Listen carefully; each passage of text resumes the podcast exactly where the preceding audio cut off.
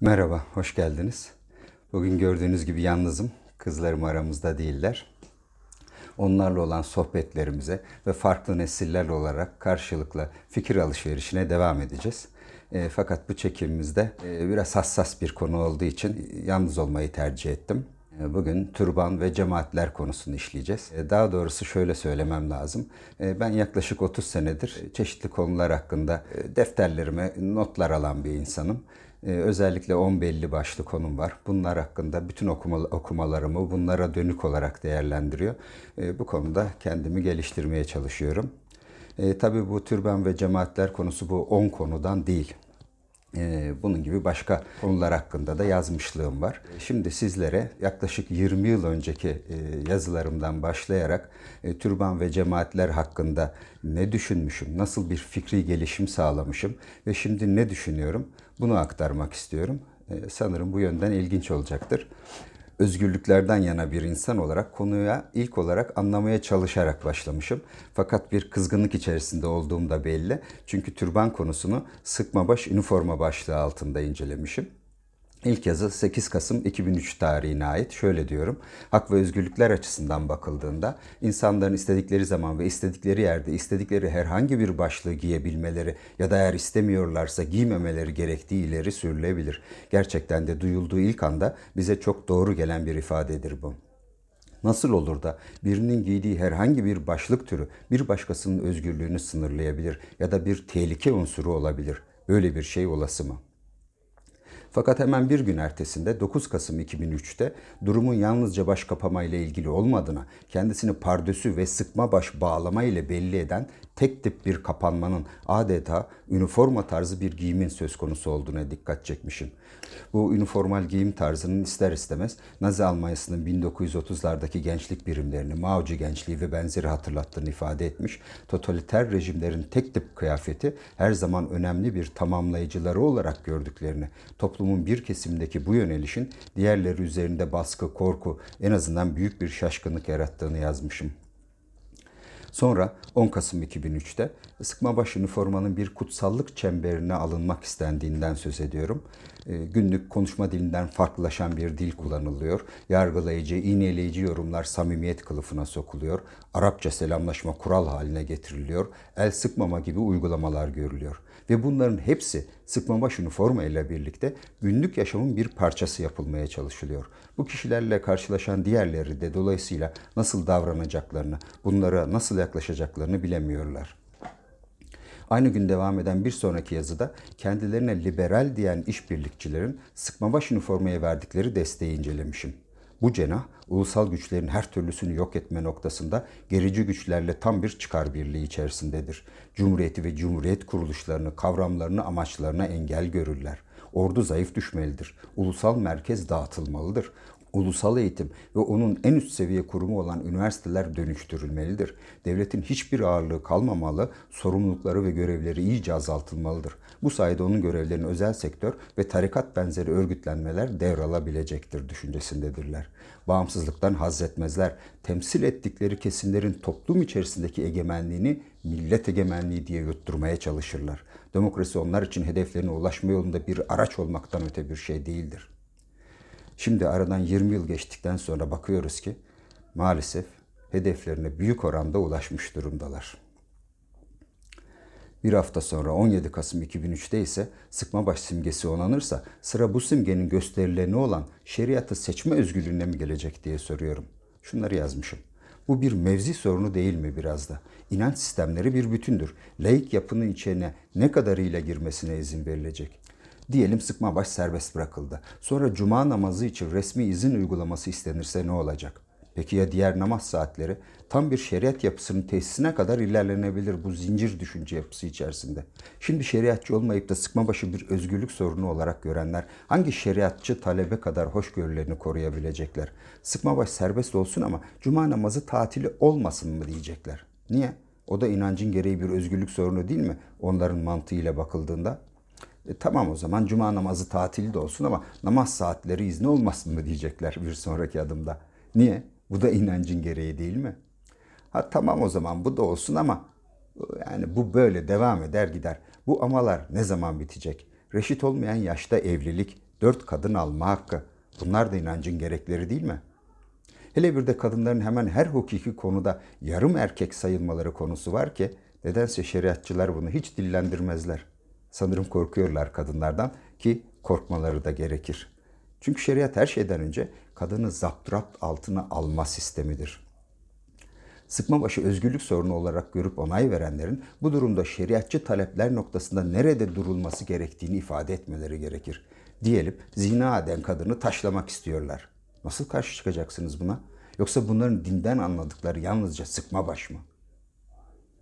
Kadınların sıkma baş seferinin ardından erkeklerin diğer taleplerinin gündeme geleceği kesindir.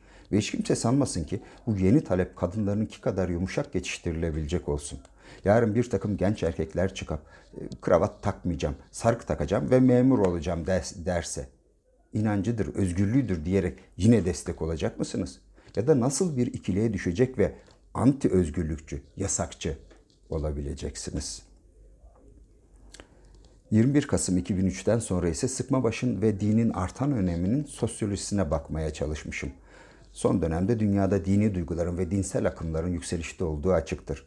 Ancak özellikle az gelişmiş ve gelişmekte olan toplumlarda bu yöneliş çok daha baskın ve şiddetli yaşanmaktadır. Çünkü ruhani bir gereksinim olduğu kadar değişen dünyada din bir muhalefet biçimi olarak da görülüp örgütlenebilmektedir. Sıkma başın toplumumuzdaki bu muhalif simgesel durumu da göz önüne alınmalıdır.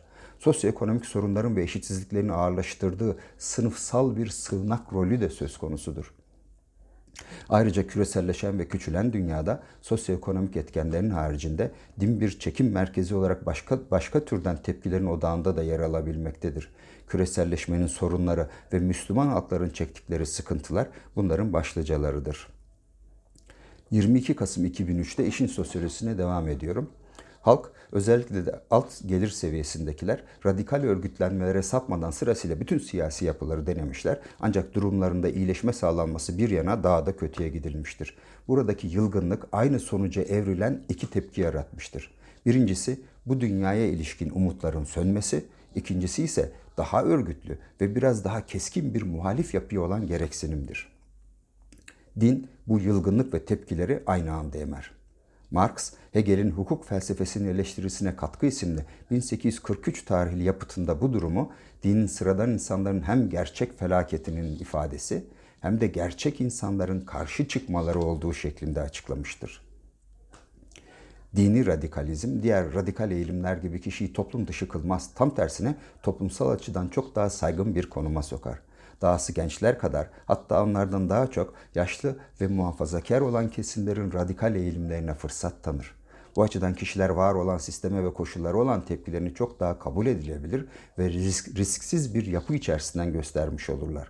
Dolayısıyla diğer radikal yönelişlerden çok daha tehlikesiz, çok daha basit, çok daha çabuk bağlanılan ve çok daha saygın bir muhalif örgütlenme şekli öne çıkmış olmaktadır. Refah Partisi 2000 e, öncesi AKP'nin öncülü olan parti diyebiliriz. Öte dünya değerlerini öne çıkarmaktaydı. AKP ise bu dünyaya yönelik tepkileri öne çıkarmaktadır. Bu konuda insanlara daha fazlasını inandırıcı bir şekilde vaat eden siyasi bir rakip olmadığı sürece de ayakta kalacaktır. Ve bunun böyle olduğunu da görmeye devam ediyoruz. Çağdaş dünyamızda dinlerin materyalist toplumun tatmin edemediği ruhanilik gereksinimlerini karşılayan, bireylerin aradığı huzuru sunan, sosyoekonomik yapılarda yaşanan hızlı değişimi dengeleyen yapılar olarak işlev gördüğü gerçeği unutulmamalıdır. Sonra aradan 3 sene geçiyor ve 13 Şubat 2006'da şunları yazıyorum. Şu türban konusu da iyice baydı artık. Bunu aldık, sıkıntı bastı. En iyisi bunların ellerindeki şu oyuncağı almak. Bunu yolda alın. Ne haliniz varsa görün demekten geçiyor. Fakat sıkma başın bir özgürlük sorunu olmadığına inanmaktan ve bir siyasi simge olduğunu belirtmekten geri duramamışım. 26 Şubat 2003'te, 2006'da şunları yazmışım.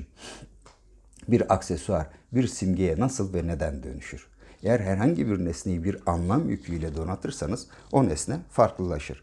Bir taşın heykelleştirilmesi böyle bir şeydir. Bir heykelin putlaştırılması yine öyle bir şeydir. Sıkma baş, masum başörtüsünün anlamsal yük ile başkalaştırılmış farklı bir versiyonudur.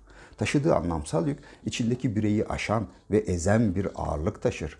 O artık bir aksesuar, bir inancın uzantısı ya da gereği değil, bireyi belirleyen bir simgedir. Bireyin özgürlükleri o simgenin işaret ettiği çerçeveye hapsolur. Artık birey o kıyafeti giyiyor değildir. Kıyafet onu giymektedir. Kendi iradesiyle özgürlüklerini böylesine sınırlayan bir birey diğerlerinin özgürlük alanlarına girmeye çalıştığında haliyle bir kuşku ve korku belirecektir. Çünkü başında adeta fosforlu bir reklam tabelasıyla aralarına karışmak isteyen ve e, benim siyasi görüşüm şu, benim yaşam anlayışım bu, ben şunları yaparım, şunları yapmam, bana böyle davranmalısın diye bas bas bağırılan bir simge tarafından kalıba sokulmuş bir birey diğerlerini de tereddütte bırakacaktır. İnsanlar ona karşı olan yaklaşımlarında, tavırlarında onun kurallarına uyma zorunluluğu hissedeceklerdir. Bu başlı başına bir özgürlük ihlalidir. Bu durumda karşı tarafın simgesi artık yalnız kendisini değil, diğerlerini de belirlemeye başlamış demektir. Bu kişiler kamu görevi yapmaya başladıklarında aynı simgeyi taşıyanları kayırmayacaklarından, taşımayanlara zorluk çıkarmayacaklarından ve o simgenin gereklerini diğerlerine kakalamaya çalışmayacaklarından nasıl emin olacağız?'' Bunların hiçbirinden kuşkulanmıyor olsak bile hizmete veren kamu ile hizmeti alan biz insanların arasında herhangi bir simgenin gölgesinin düşmesine nasıl göz yumulacaktır? Şimdi yine aradan yaklaşık işte 15-20 yıl geçtikten sonra dönüp baktığımızda görüyoruz ki e, bu türban konusu maalesef e, bizdensin, bizden değilsin anlamında belirleyiciliğini korumaktadır. İşte eşi başörtülü olanlar seçilmektedir, diğerleri seçilmemektedir. Yani aslında e, bu anlamda belki de e, korkulan ne yazık ki gerçekleşmiş durumdadır. Bir ay sonra 23 Mart 2006'da cemaat mikrobuna giriş yapıyorum. O dönemin kendilerini aydın sanan müsveddelerinin hepsinin bu mikrobu kapmış olduklarını unutmamak gerekiyor. Kökten dincilin yani dini radikalizmin en büyük destekleyicisi cemaatleşmedir. Cemaatleri demokrasinin bir parçası olarak sanki bunlar sivil toplum kuruluşlarıymışçasına yutturmaya çalışıyorlar. Oysa cemaatler feodal düzen kalıntısıdırlar ve radikal İslam da bu feodaliteye geri dönüş anlamı taşır. Cemaat dahilinde kişisel irade, bireysel hak ve özgürlükler, eşitlik bulunmaz. Bağnazlığa, liderliğe, görevlendirmelere tam itaat aranır. Bunlar her işlerini toplu yapar. Her yerde birbirlerini bulur, kayırır, destekledikleri kişilerin istedikleri yerlere atanması, seçilmesi yolunda güç birliğine giderler parlamento seçimlerinde bile siyasi pazarlıklar neticesinde liderlikçe belirlenen yönde oylarını kullanırlar. Cemaat üyeleri ki kendilerini mürit olarak adlandırırlar. O işaret edilirse onu, bu işaret edilirse bunu yaparlar. Böylesine feodal bir yapı demokrasinin neresine uyar? Müritlerin cemaat içerisinde herhangi bir kişilikleri, bireysellikleri bulunuyor değildir ki bunların demokratik hak ve özgürlükleri bulunuyor olsun.